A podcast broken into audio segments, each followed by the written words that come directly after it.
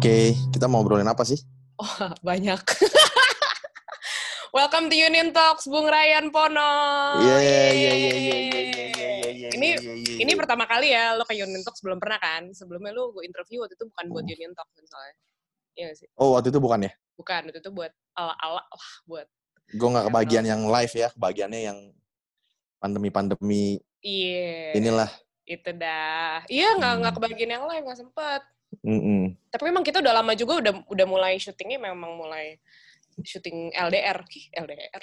Oh gitu ya? syutingnya syutingnya udah mulai zoom memang dari awal dari awal PSBB ya. Terakhir sih yang kedapatan Albert tuh Oh ya Albert masih sebelum masih. eh, sebelum PSBB kedua itu masih Ah, masih akhirnya akhirnya dia sih yang syuting syuting ketemu. Apa kabar Bung Ryan?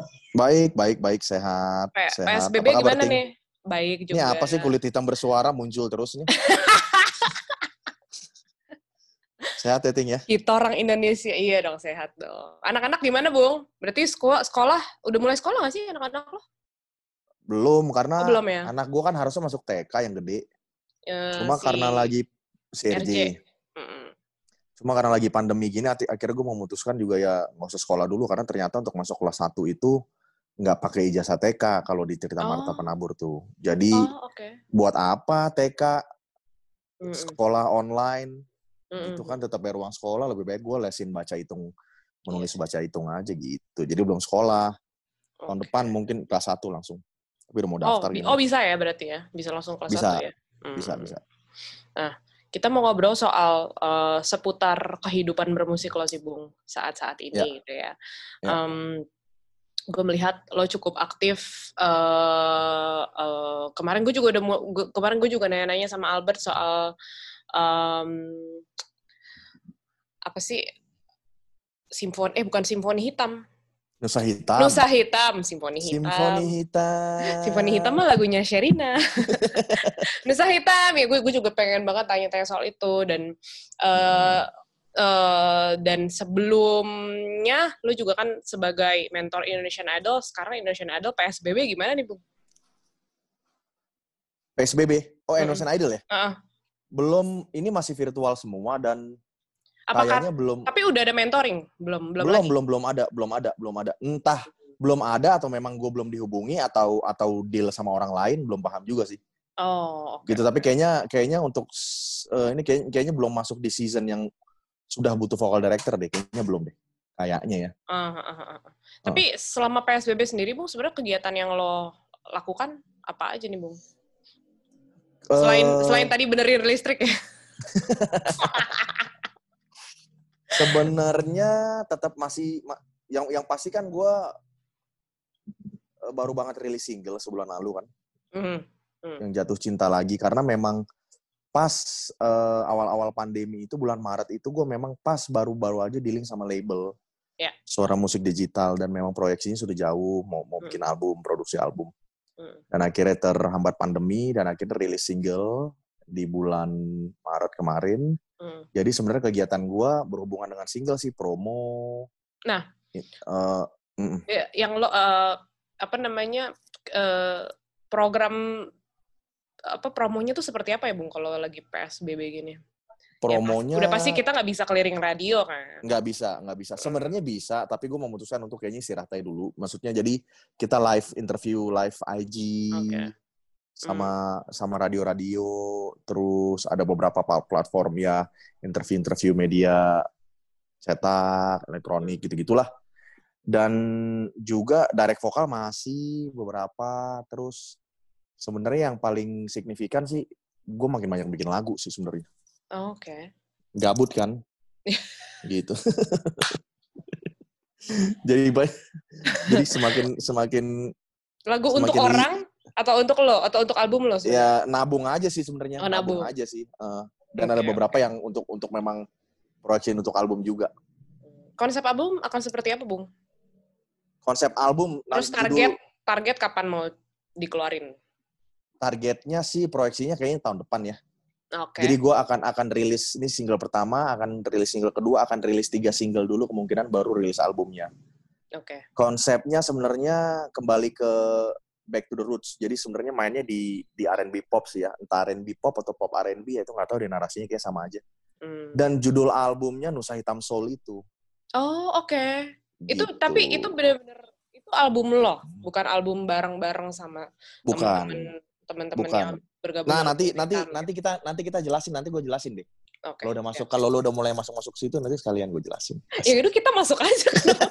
nanti ya, nanti ya. jadi Kayak ada banyak banget jadi segmennya. gini, Abis jadi iklan gini, ya. kalau nus jadi kalau Nusa Hitam itu itu kan Nusa Hitam itu narasi baru Hmm, narasi lain bukan narasi baru narasi lain untuk Ya. Indonesia Timur ya. betul. Bilang Nusa Hitam tuh berarti ya Papua, Maluku, NTT. Sekarang movement yang lagi yang lagi kita gerakin sama-sama Mhm. itu adalah kita empower musisi-musisi eh, pelaku seni Indonesia Timur untuk bisa bikin sesuatu seperti menjadi statement dan deklarasi gitulah sebenarnya yang kemarin kita Hmm. rekaman tuh sama Om Yopi terakhir Iya. itu lagi ngerjain satu single baru untuk declare rencananya kita akan akan deklarasi dan launchingnya tanggal 28 Oktober nanti berbarengan sama Sumpah Pemuda. Wow. Nah, itu i- eh, itu gambaran movement. Oke. Nusa Hitam Nusa Hitam ini adalah sebagai kami Nusa Hitam itu sebagai seperti rumah besar lah ya. Mm. Kalau orang Indonesia Timur bilang itu sombar. Sombar. Rumah sombar itu pohon yang besar yang kita bisa berteduh di bawahnya gitu menjadi menjadi rumah besar lah. Nah, kalau Nusa Nusa Hitam Soul ini adalah branding gua secara pribadi. Oke. Identitas musik gua ke depan Nusa Hitam Soul. Nusa Hitam Soul musik yang lahir dari ident eh, lahir dari eh, dari gue yang berdarah Indonesia Timur, berdarah Nusa Hitam, Nusa Hitam Soul itu gue punya cita-cita ke depan nanti kalau kita denger lagu R&B di Indonesia tuh ngomongin Nusa Hitam Soul. Oh, sedap. Itu akan menjadi genre berarti ya? Iya, kayak black music di Amerika gitu. Cita-citanya begitu, gitu Sedap, sih. sedap, sedap, sedap. Gitu. Jadi gue eh, berusaha tetap pada identitas identitas Nusa Hitam, cuma di branding lebih kuat dan bisa jadi lebih lebar narasinya gitu. Oke. Eh, programnya apa aja, Bung, yang sudah dilakukan dan yang akan dilakukan? Yang mana nih? Untuk Nusa Hitam sendiri, Untuk untuk, Nusa mediasi mediasi Nusa Hitam kan lo pasti pengen memediasi ke masyarakat dong supaya Ya. aware sama ya untuk untuk ya, create awareness. sebenarnya yang udah berjalan lagi-lagi terhambat sama si PSBB kedua ini. Yes. Jadi kita sudah rekaman eh, sekitar hampir 50 orang musisi Nusa Hitam dari dari yang paling senior sampai yang paling junior dan eh, kita sudah syuting video klip juga sekalian. Nanti rencananya akan rilis tanggal 28 Oktober itu. Hmm. Nah, kalau ini kan sebenarnya sesuatu yang sudah dimulai sama kakak kebanggaan kita Glenn Fredly ya sebenarnya ya. Berarti udah lama ya, Bung ya? Di- Udah lama. Sebenarnya Glenn, Glenn Fredly itu juga mewarisi narasi movement dari Om Frankie Sailatua. Oke. Jadi memulai nih Om Frankie, memulai Nusa Hitam dengan ngumpulin Glenn, mewakili Ambon, Edo Kondolo, kakak Edo Kondolo Git mewakili Papua, kemudian kakak Ivan Nestorman mewakili NTT. Oke.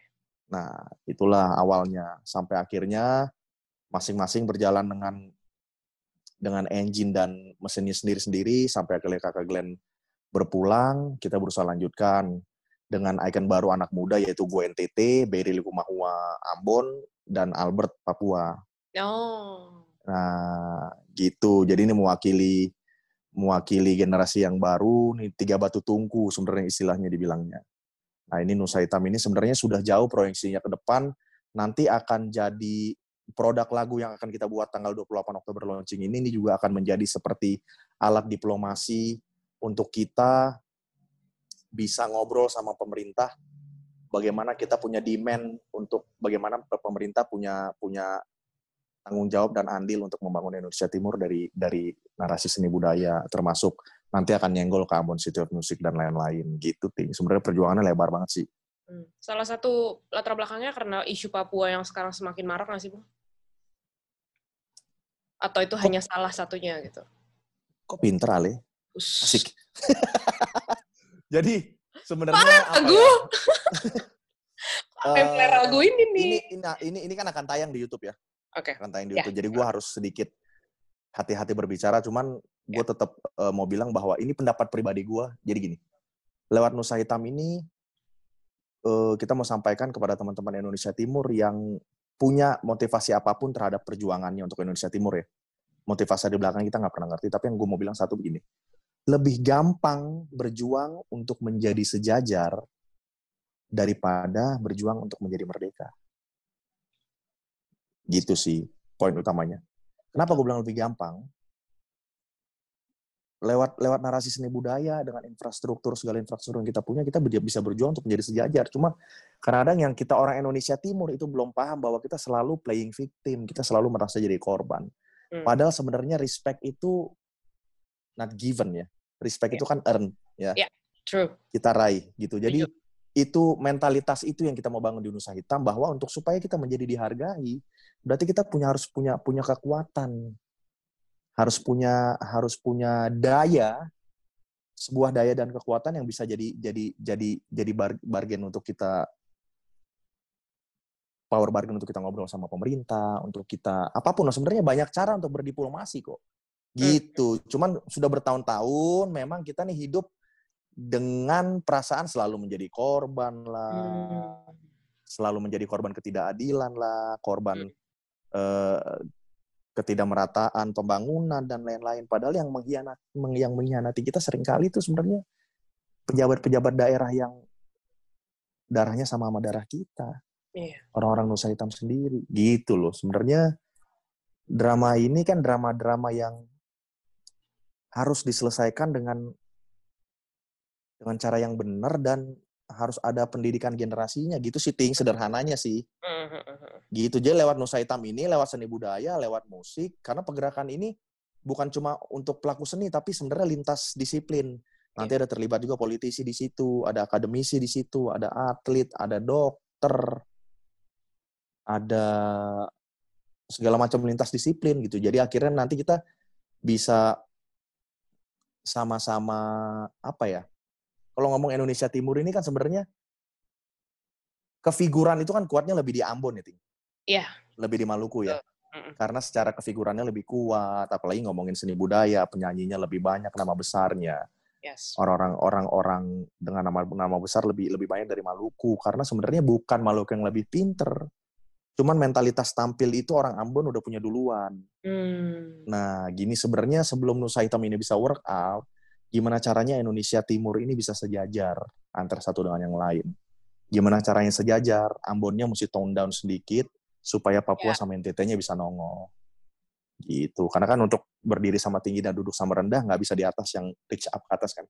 Harus atas yang agak sedikit tone down supaya yang lain bisa naik. Jadi gitu sebenarnya target-targetnya itu dulu sih kita mensejajarkan usaha hitamnya dulu kita hmm. saling memberdayakan kekuatan yang masing-masing kita punya dan ke depan kita punya cita-cita apalagi gua.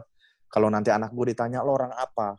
Hmm. dia udah nggak jawab gue orang Ambon atau gue orang Timur gue anak Nusa Hitam. Gitu ting sedap.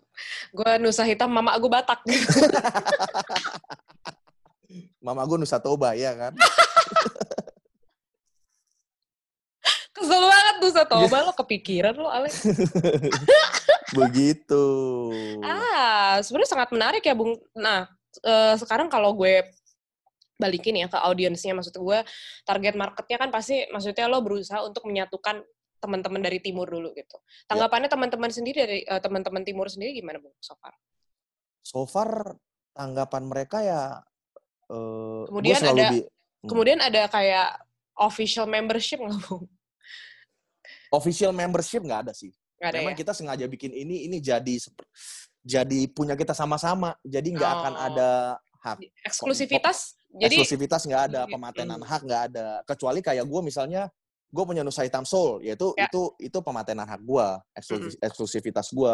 Misalnya Berry punya Milanesia bersama, mm-hmm. yang kemarin bikin acara kulit hitam bersuara itu. Nah itu itu itu itu sub sub temanya rumah-rumah kecilnya si Nusa Hitam hmm. yang lahir dari rumah besar si kami Nusa Hitam itu gitu ting tapi kalau kami Nusa Hitamnya sendiri sih itu sebenarnya milik semua orang Indonesia Timur oke okay. oke okay, gitu okay. jadi kita jadi kita nggak mau kapitalisasi apa pun dari narasi kami Nusa Hitam itu oke okay. oke okay, oke okay. berarti siapa aja sebenarnya bisa ikut ya bung bisa ikut harus nggak harus orang Timur nggak harus berarti beta dari Nusa Toba bisa ikut oh sebagai engine harus orang Indonesia Timur dong Kecuali Oh iya, iya benar-benar. Kecuali Bener, nanti bener. kalau Ale kalau Ale nikah sama Jordi ya itu baru lain cerita. Kenapa harus sama Jordi? Jadi kesel. Kenapa harus Jordi gitu? Aduh ampun deh. Gitu. Ini Jordi denger dia muntah kayaknya. Nah, Bung, em, apa namanya? em, eh, sempat ada adakah yang eh, berkeberatan juga dengan maksudnya ada ada ada orang-orang yang berkomentar berbeda nggak gitu menanggapi secara secara ya berarti kontra lah ya gitu orang-orang yang Ya, ya. kontra ada nggak sih bung? Gua belum denger sih. belum Beta denger ya? pribadi sih belum denger. mungkin nggak berani ya Nggak juga lah. cuma cuma pro kontra pasti ada dong. oh iya Pasti benar. ada dong. Cuma pro kontra itu biasanya biasanya lahir setelah setelah ada ada apa ya? Ketika udah bicara duit misalnya. iya sih Ketika Atau udah mungkin- bicara atau mungkin Nus hitam udah satu mili udah satu miliar gitu ya pengikutnya satu juta Satu Iya juta gitu yang segala sesuatu dihubungkan dihubungkan dengan dengan keuntungan-keuntungan tertentu lah gitu lah. Makanya gue selalu bilang Nusa Hitam ini Hmm, bukan gue, Nusa Hitam itu bukan Berry, bukan Albert. Iya. Itu cuman icon. Tapi Nusa Hitam Betul. ini pemeran utamanya adalah semua. Bukan juga cuma Bung Glenn, almarhum, atau kakak Edo, atau kakak Ivan Esron, atau atau notabene artis-artis senior Maluku yang sudah duluan eh, menancapkan kaki di industri dan punya nama lebih besar. Pasti bukan, ini punya kita semua sama-sama gitu. Iya, iya, iya, iya, iya. Terus Bung, gue mau bahas juga soal Hmm. waktu itu kan lu sempat nyalek. Ada ada ada kelanjutan nggak nih, Bung? Akan nyalek lagi? Karena kalau Sebenarnya- dipikir-pikir, maksud gue, karena kalau dipikir-pikir kalau misalnya lo punya program yang bagus kayak gini dengan lo nyalek, kan bisa menjadi program yang bagus juga gitu untuk untuk untuk Ya. untuk program caleg lo ini gitu. Ya, ya. Jadi, nah ini yang mesti diluruskan. Jadi kemarin itu sebenarnya gue nyalek juga adalah sebagai sebagai eh, bentuk realisasi daripada kerinduan gue untuk Indonesia Timur sebenarnya kan. Hmm, hmm. Gue berjuang lewat lewat jalur politik gitu. Ya. Tapi sebenarnya politik itu bukan bukan satu-satunya media untuk kita berjuang kan gitu ya. Yes. Jadi mesti dilurusin juga jangan mentang-mentang gue pernah nyalek, kemudian gue bikin Nusa Hitam ini untuk kepentingan gue nyalek ke depan. Enggak. Ah, Dan bisa gue pastikan mungkin Iya. kalau untuk nyalek tahun depan kayaknya gue enggak. Hmm, Kenapa, Bu? Kayaknya enggak. Karena politik itu... Ada ada ada ada ada hubungannya sama karena lu udah kontrak sama label nggak ada ya? Oh enggak, enggak ada. Kalau kontrak ada. mungkin ada di pasal berapa tidak boleh nyalek. Enggak ada, enggak ada. Nggak ada ya, aman ya? Nggak ada, nggak ada. Politik itu nggak segampang yang gue pikir gitu. Jadi gue dulu sebenarnya kemarin itu gue cukup cukup lugu lah terjun ke politik. Karena memang ditawarin, lugu. Karena ditawarin dan kemudian didukung, disokong, dan gue juga punya kerinduan untuk bangun NTT gitu dalam hal ini sebagai sebagai darah gue, identitas gue gitu. Jadi gue pengen, gue terjun aja gitu tanpa mikir banyak hal. Tapi ketika gue terjun ternyata banyak hal-hal yang ternyata tuh gue belum siap. Hmm. Se- eh, Bukan- sebelum siapnya secara apa, Bung? bu- bu- bu- bu- belum siap bukan secara bukan secara kefiguran atau isi kepala gitu ya, tapi banyak hal ya secara kapital, Oh, Oke. duit, terus secara jaringan, Hmm. secara juga banyak rule of the game dalam politik tuh yang yang ternyata nggak segampang yang gue pikir dan nggak nggak nggak semudah maksudnya lapangannya gimana? lapangannya ternyata banyak banyak banyak banyak wow yang- bukan banyak lagi banyak wow lah ya. karena dalam dalam dalam dalam politik itu ada istilah how to get power and how to use power Yes. Jadi ketika gua kemarin dalam proses how to get power itu ham- sepertinya hampir sepertinya nih ya kayak kayak Tuhan itu alfa gitu.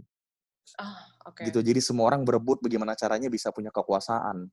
Oke, Gitu dan ternyata itu lumrah dalam politik. Nah, keluguan gue bilang bahwa kok kejam banget ya politiknya. Hmm. Tapi ternyata bukan. But ternyata politik but that's politics. yeah, that is politics. Jadi ternyata memang politik itu menentukan ketika ketika lo sudah punya kekuasaan dan how how how you use your power gitu. Hmm. Itu sebenarnya penentuannya. Karena how to get power itu itu proses di mana semua gimana caranya harus jadi gitu loh. Iya, iya, iya. iya. karena dengan dia jadi baru dia bisa bikin sesuatu kan gitu kan baru dia bisa use powernya dengan benar nah kalau misalnya memang gue mau maju lagi ke depan gue harus siap banyak hal yang tadi gue bilang itu tapi gue hampir apakah maksud lo siap itu lo harus siap juga untuk mengesampingkan musik lo? Kalau lo terjun Enggak. lebih dalam? Enggak no sama sekali. no. Oke. Politik is just me- media. Hmm. identitas gue warna gue adalah tetap seni budaya. Oke. Gitu. Jadi sebenarnya bukan kebalik ya? seniman- bukan kebalik. Seniman Hmm. musisi yang berjuang lewat politik bukan Iya. politisi yang demen main musik. Iya betul. Gitu. Oke, oke. gitu. Jadi dan gua hampir tidak punya ambisi politik ting.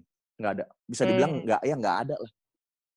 Tapi itu itu nggak ada karena lo udah terjun bung. Karena Ale udah terjun jadi nggak ada. Atau karena eh, emang ya sebenarnya waktu nyalek juga nggak ambisius ambisius banget gitu. Dari Sebenarnya awal lebih memang ke- gue nggak punya ambisi politik. Oh oke gue cuman punya ambisi gimana caranya gue bisa berbuat sesuatu untuk NTT udah itu aja. Hmm. Kalau jalurnya kebetulan waktu itu yang Tuhan yang Tuhan sediakan adalah politik kenapa nggak gue jalani dan gue selesaikan sampai tuntas loh Hmm. gua gua istilahnya mengakhirinya dengan sebagai mental pemenang. Hmm. Walaupun waktu gua jalanin di tengah perjalanan itu banyak alasan untuk gua mundur, ting.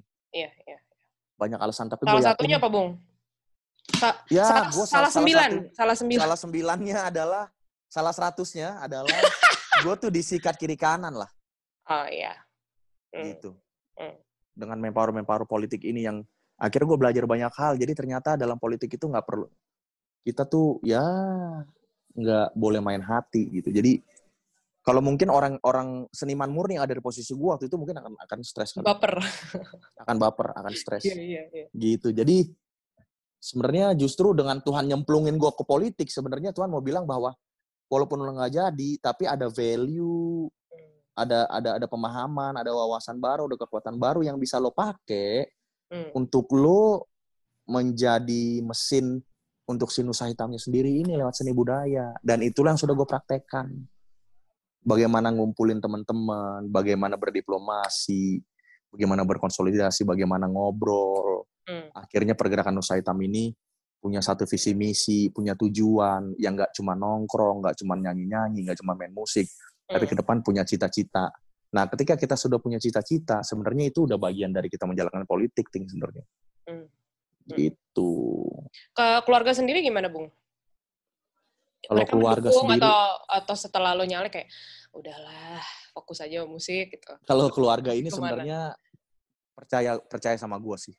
hmm. Jadi mereka memutuskan untuk support apa pun apa pun yang gue pilih gitu, apa pun yang lagi gue mau jalankan gitu, mereka support.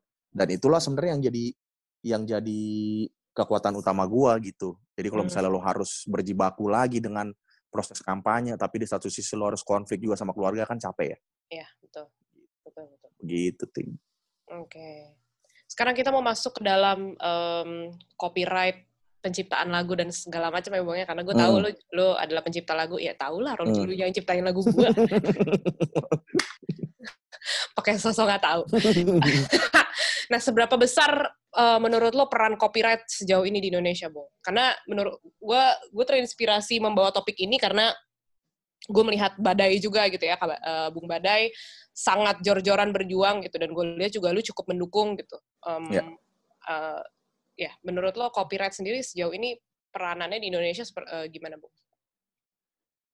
Kalau bicara copyright kan semua pasal sudah tercantum dari waktu yang udah cukup lama ya gitu ya sebenarnya. Betul. Menurut gue cuma Cuma itu hanya mas- jadi masalah- pasal. masalah penegakannya aja sebenarnya. Iya. Cuma gue juga ngobrol sama Badai. Badai memilih untuk berjuang Hmm, dan gue support 1000% hmm. karena apa yang dia perjuangkan juga ada kepentingan gue di dalam situ kan. Betul.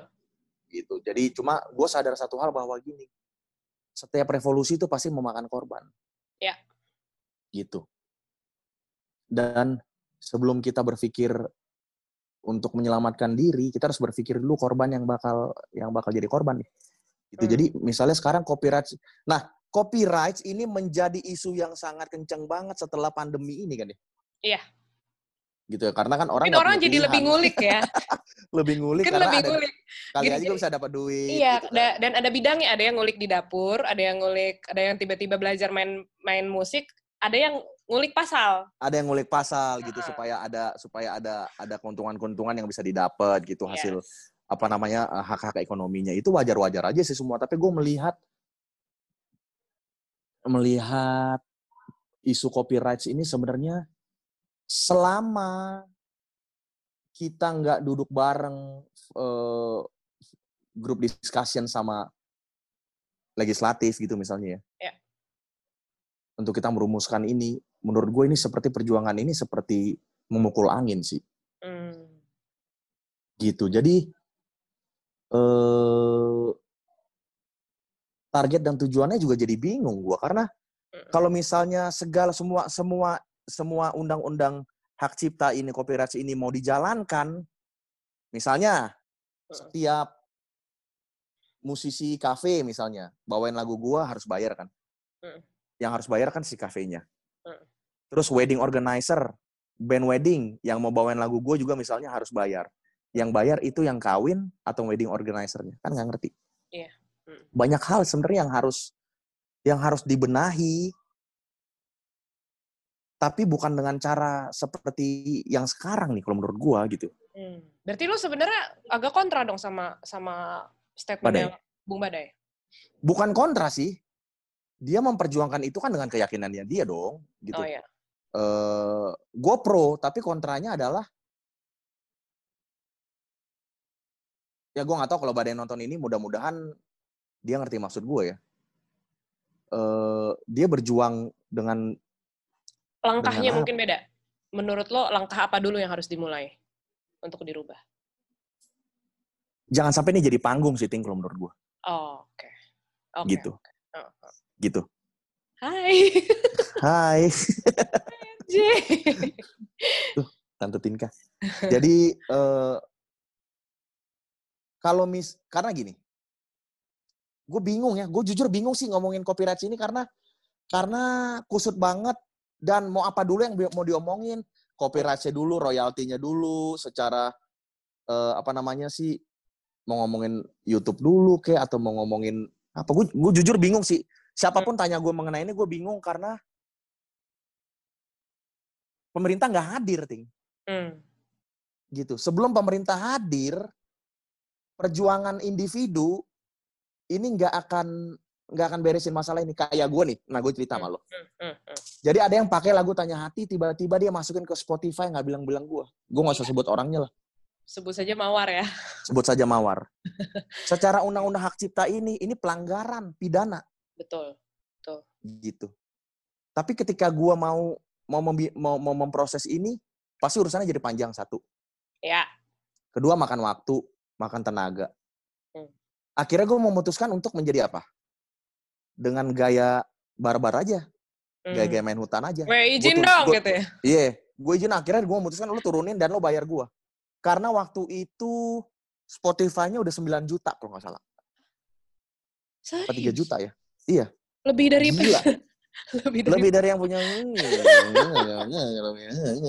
Nah, itu nah. Nah, dan Lebih daripada banyak- masanya tuh ya. Nah, dan ternyata Oh. banyak lagu yang dia pakai juga, lagu komposer-komposer lain yang komposernya nggak tahu. Waduh. Ya akhirnya gua gua penalti dia harus bayar dengan angka yang gua mau. Hmm, hmm. Kalau lo nggak mau- akhirnya akhirnya dia melakukan nggak bung atau Akhirnya dia bayar, walaupun agak ada negosiasi dari angka awal ya. Hmm, hmm. Dari angka awal negosiasi jangan situ deh bung, akhirnya bayar. Kalau dia nggak bayar, baru gua laporin. Akhirnya jadi delik aduan kan. Hmm. Nah gini, gimana sebenarnya pelanggaran hak cipta ini sebenarnya itu udah nggak boleh delik aduan sih, itu harus menjadi otomatis. Kalau delik aduan kan kalau kita ngelapor aja. Hmm. Kalau nggak lapor kan nggak nggak nggak kena. Nggak diurusin gitu Oh, kali ya. nggak diurusin gitu. Istilahnya. Jadi pelanggaran hak cipta tuh sama kayak kita bunuh orang harusnya. Bukan delik Hmm. aduan. Iya iya iya. Nah, Seberat gitu. itu once, harusnya ya. once, eh, eh, once lo bunuh orang ya lo harus mempertanggungjawabkan eh, kesalahan lo gitu secara hukum. Gitu. Jadi ngomongin copyrights nih, gue yang nggak pinter-pinter banget sih dan nggak nggak ngulik-ngulik banget mengenai copyrights, tapi fundamentalnya gue sangat paham Iya iya. iya. bahwa sebenarnya eh, copyrights ini diciptakan inti ini untuk melindungi sebuah sistem. Jadi bukan jadi kita jangan pernah men- merasa menjadi korban. Gue Hmm. sih komposer nih merasa jadi korban. Misalnya kayak YouTube. Mau pakai YouTube, mesti lap- mau mau mau cover harus lapor dulu ke orangnya kan. Ba- eh, Bade selalu bilang teman-temannya selalu bilang ada hak, hak ekonomi, ada hak moral kan. Ya, ya. Harus nulis nama pencipta yang benar, harus minta izin, harus karena menurut gua, nah yang repot adalah menurut gua peraturan-peraturan seperti itu cum- cuma bisa terjadi dalam rumah, yang rumah-rumah gua, aturan-aturan gua gitu loh. Iya. Tapi kalau once karya lo sudah menjadi public domain, sebenarnya itu kalau gue udah nggak gila hormat yang gitu-gituan sih. Yang Hmm. penting gue gua terlibat sama salah sama distributor, eh sorry sama publisher yang sudah punya sistem content management system content ID. Hmm. Yang pada saat lagu gue dipakai cover, si content ID ini akan mengkurasi sendiri Ya, iya. royaltinya untuk gue. Dia yang Jadi tugas sebenarnya si nagih ya. Ya, Kalau- si penyanyinya udah nggak dapat royalti lagi. Si Eh, penyanyinya cuma dapat keuntungan keuntungan secara benefit. mm-mm. Benefit itu popularitas, Iya, iya. Hmm. nama. Tapi secara profit, hak ekonominya dia udah nggak dapat sama sekali. Itu kan sebenarnya sudah dikendalikan. Betul, betul. Gitu. Kita mau ributin apa lagi? Berarti tergantung publishernya juga ya sebenarnya. Tergantung mesti- publisher. Dan publisher sebenarnya yang angle copyright ini tergantung si publish eh, si si komposernya sendiri gitu. Oke. Yang harus dibenerin itu sebenarnya angka-angka royalti, persentase, terus berangkatnya titik nol- nolnya dari mana, ekosistem bisnisnya sebenarnya. Gitu, bukan bukan dibahas lagi mengenai mengenai gua harus dihormati sebagai pencipta lagu. Once lo nggak hormatin gua nggak apa-apa, secara benefit lo dapat nama besar, tapi secara profit tetap dapat kok. Nah, hitungan-hitungannya itu yang harus diberesin. Jadi sebenarnya drama-drama copyright ini yang justru gue nggak apa juga ya, nggak terlalu mau mau mau larut sih. Hmm. Drama-drama publisher yang yang pada saat bikin event sekarang nih, event virtual misalnya, Iya. let's say katakan nama besar, brand besar, Mm-mm. bikin lagu, eh bikin konser yang nyanyi misalnya siapa, Mayer Marion Jola misalnya, Mm. bayar Marion Jola misalnya 50 juta. Mm. Tapi sekarang kan lagi lagi marak banget nih. Publisher ngasih harga gila-gilaan. Oh ya, itu gue banyak denger. Ya, ya kan? Mm-mm. Mm. Ya, itu Pada saat pendapat lo bawain- gimana? Pa- Pada, saat lo bawain satu lagu, lo harus Hmm. bayar misalnya 50 juta. Mm. Si brand harus bayar si spend sementara bayar artisnya juga 50 juta. Ini kan ini kan jadi Sementara, iya, sementara PSBB juga. jadi iya, ini kan ini jadi masalah baru kan. iya, uh-uh, benar. Secara secara keuntungan komposer diuntungkan, tapi secara secara performer yang nggak bikin lagu, Iya. yang lagunya dia lagu orang. Kalau kayak gue enak, gue nyanyi juga, bikin lagu juga. Iya. Hampir benar. semua dalam album gue, gue gak mau bawain lagu orang, maunya lagu gue. Gue diuntungkan. Tapi Hmm. kalau penyanyi-penyanyi yang gak bikin lagu sendiri, Kasihan. sih. akhirnya jobnya harus batal hanya karena si publisher minta angka gede untuk bayar lagunya. Hmm. Nah, ini kan sebenarnya kita harus harus duduk sama-sama kembali ke titik nol. Sebenarnya perjuangan kita pure untuk memperjuangkan sistem apa kenyangin perut kita sendiri. Hmm. Gitu. Dengan narasi dengan narasi memperjuangkan kepentingan banyak orang. Hmm. Gitu. Gitu, Ting. Jadi sebenarnya eh, justru isu-isu moralnya sih yang gua yang gua pertanyakan dalam dalam Iya. perjuangan-perjuangan ini gitu loh. Dan kenapa nggak dari dulu juga memperjuangkan? Kenapa memperjuangkannya pas pandemi begini? Karena BU, Bu. Itu dia Kita semua gitu. Nah, tapi kalau gua ngomong gini eh mewakili siapa? Ya gua mewakili komposer, orang gua juga bikin lagu kok. Iya, benar, benar, benar. Iya. iya. Gitu. Jadi gua bukan orang yang melawan, Hmm. tapi gue cuma sekedar mau mau mau meluruskan motif daripada perjuangan ini. Walaupun gue yakin banget perjuangan badai itu murni gue yakin kok. Ya tapi dia mungkin dia dan Tuhan juga yang tahu ya gitu ya. jadi sebenarnya kalau ngomong susah sebenarnya lebih banyak yang jauh lebih susah daripada kita sih menurut Iya. gue Aduh, banget. gitu gitu ting. Jadi eh isu copyright ini gue nggak bisa bicara banyak. Karena eh gue belum mau kali ya belum mau Hmm. kali ya Lu nunggu diundang lagi, Bung, berarti ya? nunggu di ya gue lebih tertarik memperjuangkan eh Indonesia Timur sih Hmm. Ya sih, saat ini isunya juga lagi ke situ sebenarnya. gitu gitu gitu Iya, benar, gitu, benar, gitu. Nah, tapi Bung, uh, so far selama lo berkarir, lo kan udah nyiptain lagu terus gitu kan, hmm. udah dari zaman lo masih sama Pasto, dari zaman lo uh, akhirnya solo gitu, lo nyiptain Aku Bisa Mati dan segala macamnya gitu. Hmm. Benefitnya sekarang, sampai sekarang lo masih rasain? Atau gimana? Fit itu, hak ekonomi itu? Iya. Atau kayak publisher kayak udah mulai mulai lupa nih kayak uh, siapa namanya gitu. Berapa tahun yang lalu itu ya gitu. Sebenarnya uh, sebenarnya keterlibatan gue sign sign sama label gitu ya itu kan dulu semuanya uh, ada advance royalty-nya. Iya. Mm -mm. Gitu di depan. Dan ketika break even point baru baru kembali ke titik ke kembali ke nol lagi baru gue mulai royalti baru lagi gitu kan ya. Yeah. Iya, uh, uh, Misalnya 200 juta di advance royalty terus penghasilan digital, penghasilan jualan fisiknya dan lain-lain sampai 200 juta baru gue dapat lagi. Nah, selama ini setelah setelah break even point ini masih ada duit yang masuk ke gue sih gitu. Tapi renew kontrak nggak sih, Bung? Karena kan sekarang digital nih, udah nggak hmm. jual keping kan. Kalau dulu hmm. kan dari jual keping lu dapat sekian gitu sekarang atau RBT gitu. Sekarang kan udah ada tambahan lagi maksud gue. Gue nggak tahu kalau misalnya dia udah nggak jual CD, ya berarti kan Spotify dan segala macam gitu. Itu di renew ya. sih kontrak? Harusnya renew sih. Dan memang lagu-lagu lo itu masuk ke digital platform juga? Ya, masuk. Hmm. Masuk. Dan selama selama klausul dalam kontraknya nggak ada yang bersinggungan dengan digital harus renew. Iya. Gitu. Tapi kalau ternyata ternyata kontrak dari 10 tahun lalu memang sudah visioner ya nggak perlu renew. Hmm. Gue tinggal nagih aja. Oh iya. Berdasarkan klausul kontrak gitu. Oke okay, oke. Okay. Nah, berarti sebenarnya lu setuju gak sih, Bung, peran publisher sebenarnya cukup penting untuk pencipta lagu? Waduh, bukan penting lagi. Peran publisher itu bukan cuma sebagai pengkolek pengkolek royalti, tapi juga sebagai etalase yang, yang jualan lagu-lagu kita. Uh. Jadi gimana caranya lagu-lagu gua bisa dinyanyiin sama penyanyi Malaysia misalnya. Hmm, hmm.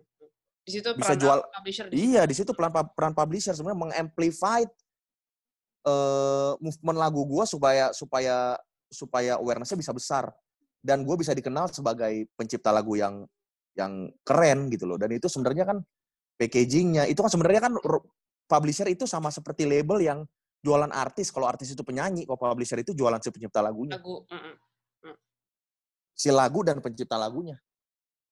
Gitu. Jadi peran publisher di Indonesia sekarang belum belum belum, belum maksimal sih. Karena publisher cuma lebih kayak kalau misalnya dia mau pakai lagu gue nih lewat link lewat jaringan pribadi gue dia beli lagu Bung Ryan, gue mau pakai lagu Bung Ryan, oh gue kasih harga sekian, publisher dapat misalnya 15% sampai 25%. Iya. Tapi tanpa ada effort sama sekali. Mm. Nah, kayak gini-gini nggak adil kan? Iya, betul, betul. Gitu, yang kayak begitu-gitu yang harus dimaksimalin sih ya 25 persennya lu bikin apa gitu ya. Mm -mm. Ada peranannya dong ya. Gitu. Oke. Okay. Gitu. Bung, kita mau masuk ngomongin kakak Glenn ya. Mm -mm. Uh, kemarin kan kakak Glenn baru berulang tahun gitu ya. Kita mengenang, mengenang uh, sosoknya dia lah gitu ya. Seberapa mm. dekat sih sebenarnya Bung Ryan dengan kakak Glenn? Karena kayak kalau gue perhatiin Bung Ryan nih aktif banget. Kak Glenn meninggal Ale ada. ada tribut tuh Glenn, tuh Glenn Fredly Ale juga hadir di situ. Hmm. Gitu. Hmm. Seberapa dapat sih Bung sebenarnya? Kedekatan hati, kedekatan moral. Umur, Gak tau umur. deh apa, apa umur umur jauh dong. Oh iya. nggak tahu nggak tahu apa yang kakak Glenn rasa mengenai gue ini ini ini kan satu arah ya. Ya ini dari dari point of view lo aja. Gue, oh. mm gue ngerasa deket banget. Mm.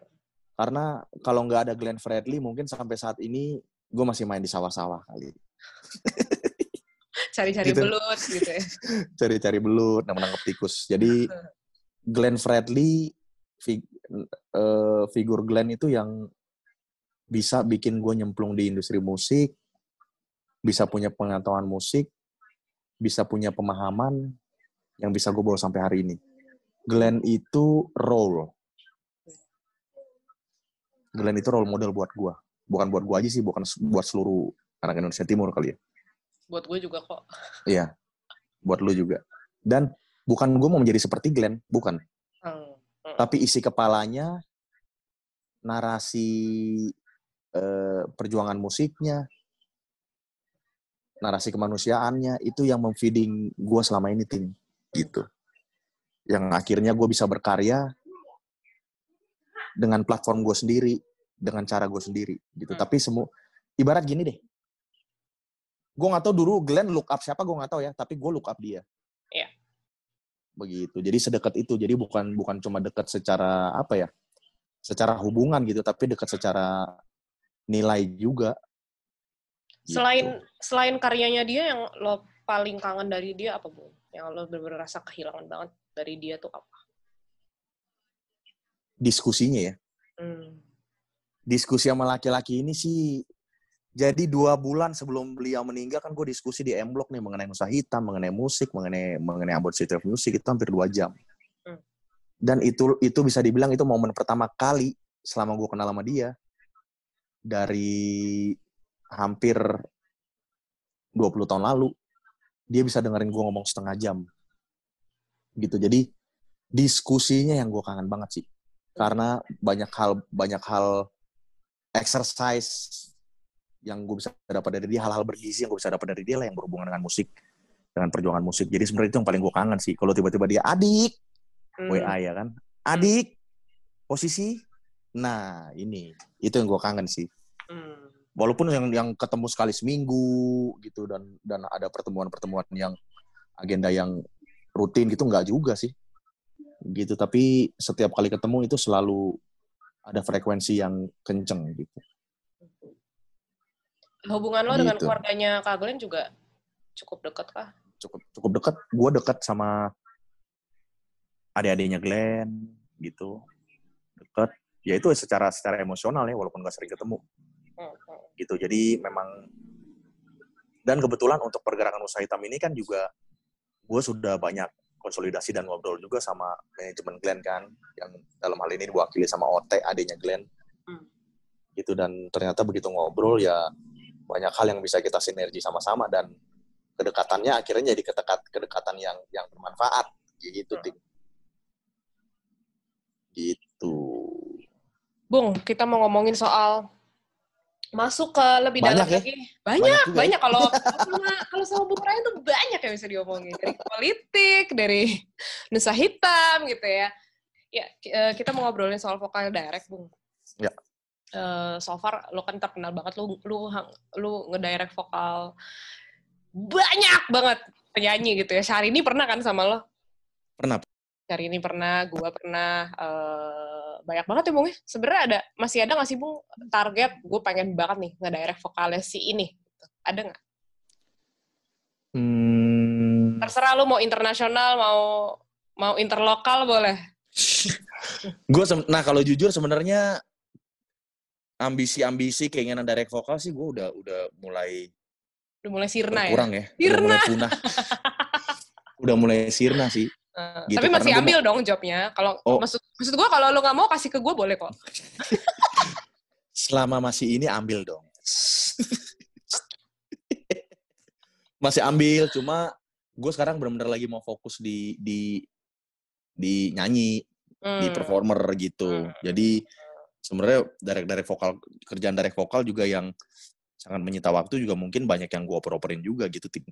Hmm. kalau sampai menyita waktu gue sebagai performer Oke, oke, gitu kecuali event-event besar kayak idol gitu itu masih Iya. gue ambil tapi kalau vokal recording itu udah udah satu-satu sih udah jarang banget Iya ya. Udah- iya gitu sih. mungkin karena gua karena gua udah nggak terlalu ngambil ngambilin makanya pelan pelan udah mulai tergeser nih sekarang Hmm. misalnya ada ada Bowo gitu Mm-mm. kan Mm. ada Irfanat masih kalau itu ya itu kan Highlander ya Iya, betul. betul. gitu jadi kalau untuk direct vokal rekaman pelan pelan gue udah mulai ngurangin sih Oh gitu. gitu. Terakhir, terakhir, terakhir kayaknya lo pernah ngedirect paduan suara ya, Bung? paduan suara Mm. Oh kalau paduan suara itu gue itu event pelayanan itu sebenarnya tahunan tahunan itu Natal eh, GBI PRJ itu Oh, selalu gue pikir, gue pikir lo rutin sekarang karena oh buk oh karena lo enggak pegang paduan suara. Enggak, enggak, enggak. Terakhir gue cuma direct. Terakhir tuh gue bulan lalu kalau nggak salah ya direct. Trio Judika, Anang, sama Ari Lasso tuh. Oh, Trio lanjut Hmm. Oh. itu, itu, itu terakhir. Oh trio lanjut ya bener-bener. bener. Mm, mm. Tapi lo inget gak, Bung? Da, gig pertama lo direct vokal tuh lo ngedirect vokalnya siapa? Wah, ini pertanyaan ini pertanyaan gila sih, penting banget sih. Jadi sebenarnya yang nyemplungin gue vo- jadi vokal director ini DJ Sumantri. Oke. DJ Sumantri. Jadi dulu gue sering backing Hmm. eh, lagu-lagu yang Sumantri aransemen gitu, artis misal artis Sony gitu gue sering nge-backing. Hmm. Gue sering nge-backing, terus sering, sering diskusi sama Sumantri mengenai lagu ini, bla bla bla. Terus tiba-tiba Sumantri ngomong kayaknya, oh waktu itu gue habis juga hmm, take vokal buktikan sama Dewi Sandra Ya. Mm-mm. Mm. tahun 2005. Setelah take, take buktikan, mungkin Sumantri merasa nggak terlalu kesulitan ngarahin gue ya, Oke. karena gue seperti udah punya intuisi, udah punya visi bernyanyi sendiri. Terus dia ngomong, Nyong, kayaknya lo ada bakat di vokal director deh. Lo, lo mau jadi vokal director, vokal director apaan tuh, Tri? Ya vokal director itu seperti yang gue lakukan kalau lagi eh, rekaman lagu aransemen gue, gue ngarahin orang, gini-gini. Ada duitnya gak? Gue tanya gitu. Itu yang lo tanya duluan tuh. Itu. Tapi itu penting. itu 2000 penting dong. Oh ada dong. Gue waktu itu ditawarin lo, lo eh, ada budget. Jadi setiap Sumantri aransemen dia selalu pakai gue sebagai vokal director gitu loh. Oke. Lo akan gue bayar 800 ribu per lagu waktu itu. Hmm, hmm. Oh, lumayan dong untuk 2006 Iya, gitu, iya. 2000 2006 Betul, gitu, betul, betul. 2005 2006. Oh ya udah boleh deh. Siapa? Hmm. Kita mau dari siapa? Besok ya, langsung besok. Sumantri lagi ngerjain project ada satu penyanyi Malaysia namanya Anwar Zain. Anwar Zain ini sekarang juga. Ya, lo Terus? harus Google. Anwar Anwar Zain ini salah satu male singer ter cukup besar di Malaysia. Besar lah. Glenn Fredly-nya Malaysia kalau bisa dibilang. Serius, Bung. Iya. Anwar An- Anwar. Anu- Anwar, Anwar Zain. Salah satu penyanyi Malaysia yang diundang di Ini Grammy Awards. pertama lo, Bung. Ini ini gig gig direct pertama. pertama, men. Gila, Sumantri ampun. nyemplungin. Ale berhak sombong sih bagian ini. Karena ya Nusa Hitam dong, nyali di depan kan. Nekat duluan, gue bilang, ah, oke, tik, sikat. Dan Sumantri udah jelasin Anwar Zain ini, ini, ini, ini. Waktu itu gue berpikir, wah gila sih. Ya udahlah. Karena dari waktu itu memang ya udah nekat aja lah. Gue yakin eh, it's in the blood gitu kan. Gue selalu Hmm, yakin kan. Gitu apa namanya, proses proses kolaborasi, kolaborasi kreatif itu lu mau bilang sesulit apa tapi ketika lu udah punya itu dalam darah lu pasti akan akan mengalir gitu gue Iya, berpikirnya iya, iya. ya udah gue sikat dong Hmm, hmm. pertama kali dan direct Anwar Zain dan sebelum ngedirect dia gue memang sudah sudah bikin guide vokalnya untuk lagu yang dia akan rekaman besok ya ternyata puji Oh, Tuhan rekam, Anwar Zainnya tuh gitu. gue rekam hari sebelumnya rekam. Tri gua- coba gue rekam dulu ya gue cari ide cari idenya dulu nyanyinya supaya gue dapet gitu dari oh ya udah rekam dan hasil rekaman guide vokalnya itu dikasih dengan Anwar Zain dan gue coba menerapkan hasil vokal gue itu ke dia Hmm. dan alhasil puji Tuhan Anwar Zainnya ya happy banget happy banget gitu itu Happy banget awal-awal gig, awal-awal gig tuh bikin guide yang sekarang udah nggak pernah. Oke, hai, iya gue udah hadir nih, yuk. Latin kak, masuk. Nyanyi dulu, nyanyi dulu. Guide-nya mana? guide-nya mana gitu itu itu first first gig tuh Itu apa namanya? eh, ada rasa getar gak sih bu waktu masuk deg-degan cuma kan ya gue tau lah lu kan pasti cool deg-degan ya sama kayak nyanyi sih deg-degan Oh, sebelum sama ya? sebelum mulainya Ah, begitu begitu masuk ke prosesnya ya ya mengalir gitu. Gila gig pertama penyanyi Malaysia loh. Penyanyi Malaysia gila sih. Jadi bisa bisa dibilang eh, yang paling berjasa untuk gue jadi vocal director ya DJ Sumantri lah. Ah, iya, si Sumantri. Mhm. nah setelah itu hampir setahun kali ya itu gue jalan sama Sumantri dia aransemen gue yang vocal director. Hmm. dia aransemen gue yang vocal director. Pantes lo banyak banget ngedirect artis Sony ya dari dulu.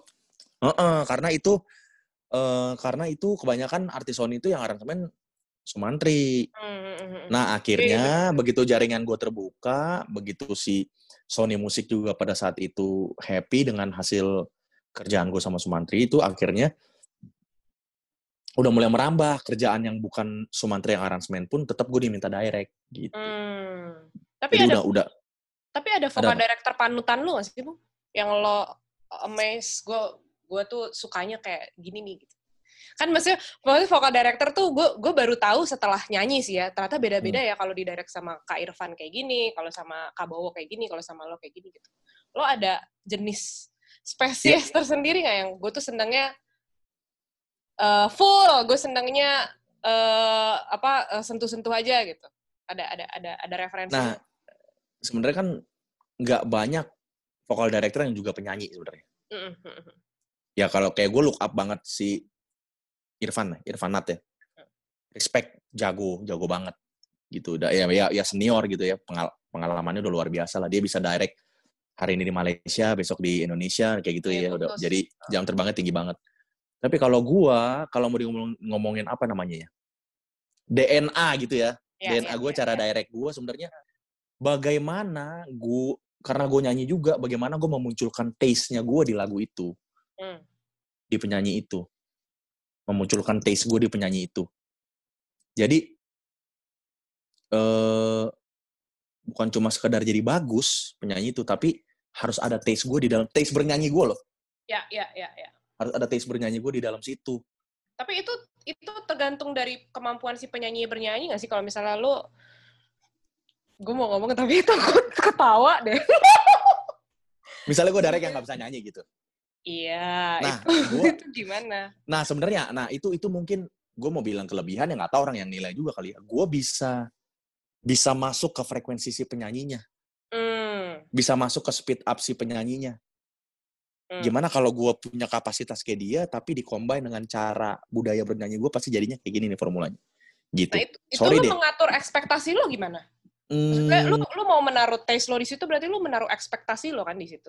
iya. Kalau misalnya dia nggak nggak masuk ke ekspektasi lu gimana? Ekspektasi, gue harus masuk ke ekspektasi dia. Oh, oh justru dibalik Expect- ya? Gue harus masuk ke ekspektasi te- teknis dia. Oke. Nggak bisa gue direct, kayak dulu gue direct Cinta Laura. Hmm. Oh baby, yang ada lagu baby baby apa dulu Baby, itu lah. baby, my baby. Nah itu, itu gue yang direct. Hmm. Dan pada saat gue ngedirect dia, gue udah punya ekspektasi dia akan jadi sekeren ini, Hmm. sekeren cinta Laura gitu loh. Oke, oke.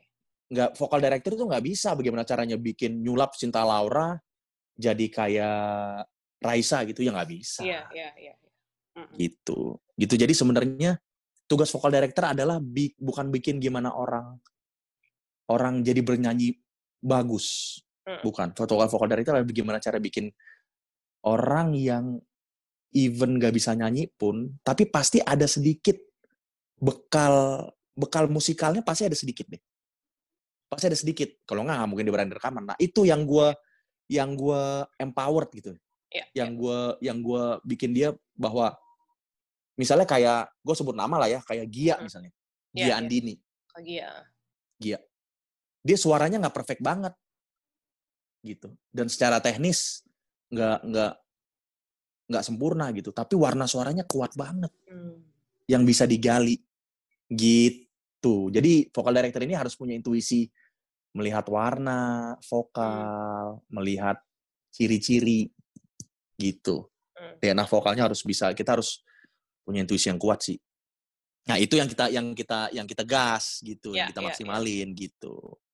So far, Begitu. so far eh, gig vokal direct lo yang paling menantang siapa, Bung? Yang paling susah nih, tapi tapi akhirnya bisa gitu.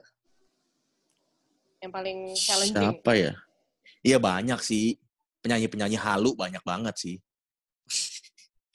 Jujur aja. Karena halu lo. penyanyi karena itu gue udah nggak bisa bilang challenging kalau itu ya.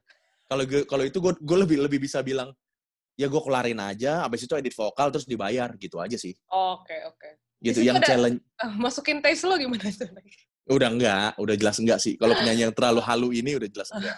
Jadi sebenarnya kalau dibilang challenging itu kayak kemarin tuh trio lanjut itu itu challenging termasuk. Hmm, hmm, hmm. Bagaimana gue nyatuin frekuensi Judika, Anang, Ari Lasso, Iya, penyanyi legend semua, secara tim warnanya udah kuat banget, cara tim berbeda-beda, secara kefiguran juga kuat. Betul betul. Nah itu gimana bung? Kalau lu mau memasukkan tiga jenis taste dalam lu harus bikin, maksudnya vokal director kan lu harus bikin ini tetap tetap satu line gitu. Itu gimana bung? Yang lo lakukan apa? Nah, gue bingung jawabnya nih. Hmm. Karena nggak ada formulanya ya. Itu Iya, iya. intuisi aja, intuisi in- intuisi langsung mengalir pada saat rekaman. Cuman yang pasti bagaimana warna Anang tetap muncul, warna Ari Lasso tetap muncul, apalagi warna Judika harus tetap muncul dan kuat, tapi jangan sampai lagunya jadi jadi jadi cakar-cakaran kan gitu. Iya, itu. Jadi gonggong-gonggongan gitu. Nah, mereka di satu sisi mereka udah punya knowledge itu, udah udah ngerti memposisikan suaranya. Sebenarnya yang yang gue jagain egonya aja sih. Hmm. Nah, itu yang challenging. Challenging untuk lebih ke figurnya sih, biar biar Wiano kan mereka senior. Betul, betul. Gue nggak bisa ngatur terlalu begini begini begini gitu. Kalau Judika masih oke lah, masih bisa bisa dibilang lifting. Tapi Mas Hmm. Ari sama Mas Anang tuh kan senior. Iya. Akhirnya lewat lewat lewat cara-cara yang tepat, ngobrol, komunikasi, akhirnya ketemu formulanya deh. Hmm. Gitu. Yang challenging itunya sih sebenarnya. Hal di luar musiknya justru yang challenging. Iya. Kalau Biasanya gua gitu. Ngobrol gimana caranya ngobrol sama penyanyi yang udah downnya udah mental, eh mentalnya udah down. daunnya udah mental loh. Downnya udah Mentalnya udah mental, down. yang mental udah down, yang udah stres gitu. Iya, Terus direct anak-anak idol yang pada saat datang ke gue tiba-tiba udah nangis, matanya udah bengkak. Nah itu yang challenging. Ah, iya benar. Di satu sisi gue, kalau di idol, di satu sisi vokal director juga. Di satu sisi juga udah kayak psikiater. Ngobrol serius. Iya, Ngobrol sama mereka, en- encourage mereka supaya mereka mereka nggak terlalu larut dalam kompetisi ini gitu-gitu. Itu hal-hal itu sih yang Iya, lebih iya, iya. challenging buat gue. soalnya tinggi banget ya di Iya, iya. Dan mereka masih muda-muda juga gitu kan, masih iya, banget, masih banget. labil banget lah, maksudnya umur-umur segitu. Nah, Gitu. biasanya sebelum lo vokal direct, Bung, yang lo lakukan apa? Selain bi- selain bikin guide di awal-awal ya kan, kayaknya kan sekarang udah jarang nih bikin guide. Maksudnya, tapi tapi apa yang harus lo lakukan gitu? Oh sebelum vokal direct, ya gue yang pasti harus dengar lagunya dulu. Yang gue lakukan ya gue denger lagunya dulu. Terus Berdoa udah dulu. mulai, oh berdoa pasti dong, berdoa pasti men gila. Terus udah mulai menghayal lah tuh. Hmm. Gitu kalau misalnya nyanyinya duet atau trio yang pasti lebih dari satu orang ya gue udah mulai nentuin bagan si ini di sini, si ini di sini gitu. Itu aja sih. Eh, boleh kasih tau nggak, Bung, elemen apa yang harus dimiliki vokal director untuk menjadi vokal director? Terserah lu mau. sih sadis juga ya. Elemen yang harus dimiliki apa ya? apa ya? Em, Ini menurut lo ya, maksudnya lu nggak perlu ya terminologi gue lah gitu ya, ya. terminologi ses- menurut eh, seorang Ryan Pono gitu. Harus punya wawasan musik satu. Iya. Harus punya taste. Hmm. Harus punya kemampuan komunikasi yang benar sih. Hmm, itu penting ya. Itu penting. Terus ya harus punya intuisi ya. Harus punya wawasan nada-nada, Hmm. wawasan eh, nada-nada interval, terus variasi-variasi eh, variasi-variasi nada, terus punya kemampuan berbahasa Indonesia yang baik. Misalnya kalau gue bahasa Indonesia gitu ya, Hmm, hmm, hmm. punya kemampuan intonasi yang baik. Banyak banget sih, banyak banget sih sebenarnya kalau gue mau mau jabarkan gitu. Tapi yang penting sih, yang paling penting sih itu sih harus punya taste, harus punya intuisi, harus punya wawasan vokal. Jadi udah harus ada kolam nada-nada di dalam kepala lo yang yang yang harus bisa di-adjust kapan aja gitu. Tapi lu pernah pernah ngedirect vokal yang di luar bahasa Inggris dan bahasa Indonesia dan bahasa Ambon nggak, Bung? Nggak ada sih. Oh, so far emang oh, so far aman ya. So far aman, so far aman. Bahasa Cina kayaknya pernah deh. Seri itu Oh, bahasa Korea, iya. Nah, kalau ada bahasa yang lo nggak lo tidak hatam gitu, itu lu ngedirectnya gimana? Ada ada ada ada translatornya sih biasanya. Waktu itu sih ada translatornya. Jadi Ya maksud gue cara cara orang orang oh Korea yang pasti ngomong si penyanyi itu kan? si penyanyi itu udah harus udah harus punya kemampuan lafal yang bener lah. Udah udah Oh, bukan iya tugas gua lagi. Gitu kemampuan kemampuan lafal yang udah harus bener. Oh, berarti nggak nggak sedalam itu ya maksud gue eh, vokal director cukup jagain jagain tanggung jawabnya di bagian taste Oh iya dong, udah udah udah udah bukan tanggung jawab bahasa lagi. Kalau itu kan udah udah subjektif ya. Oke, Bung boleh apa yang mau lu sampaikan untuk teman-teman yang anak-anak milenials yang sekarang eh, udah mulai nyiptain-nyiptain lagu gitu, mau meng- mau mengikuti jejak lo gitu, apa yang mau lu sampaikan kepada mereka? Eh bikin lagu itu perlu latihan ya gitu dari dari mentah lama-lama pasti akan jadi matang yang penting bikin lagu terus dan ada di di satu uh, proses waktu tertentu di mana lo harus memutuskan di mana DNA lo maunya mainnya di mana nih.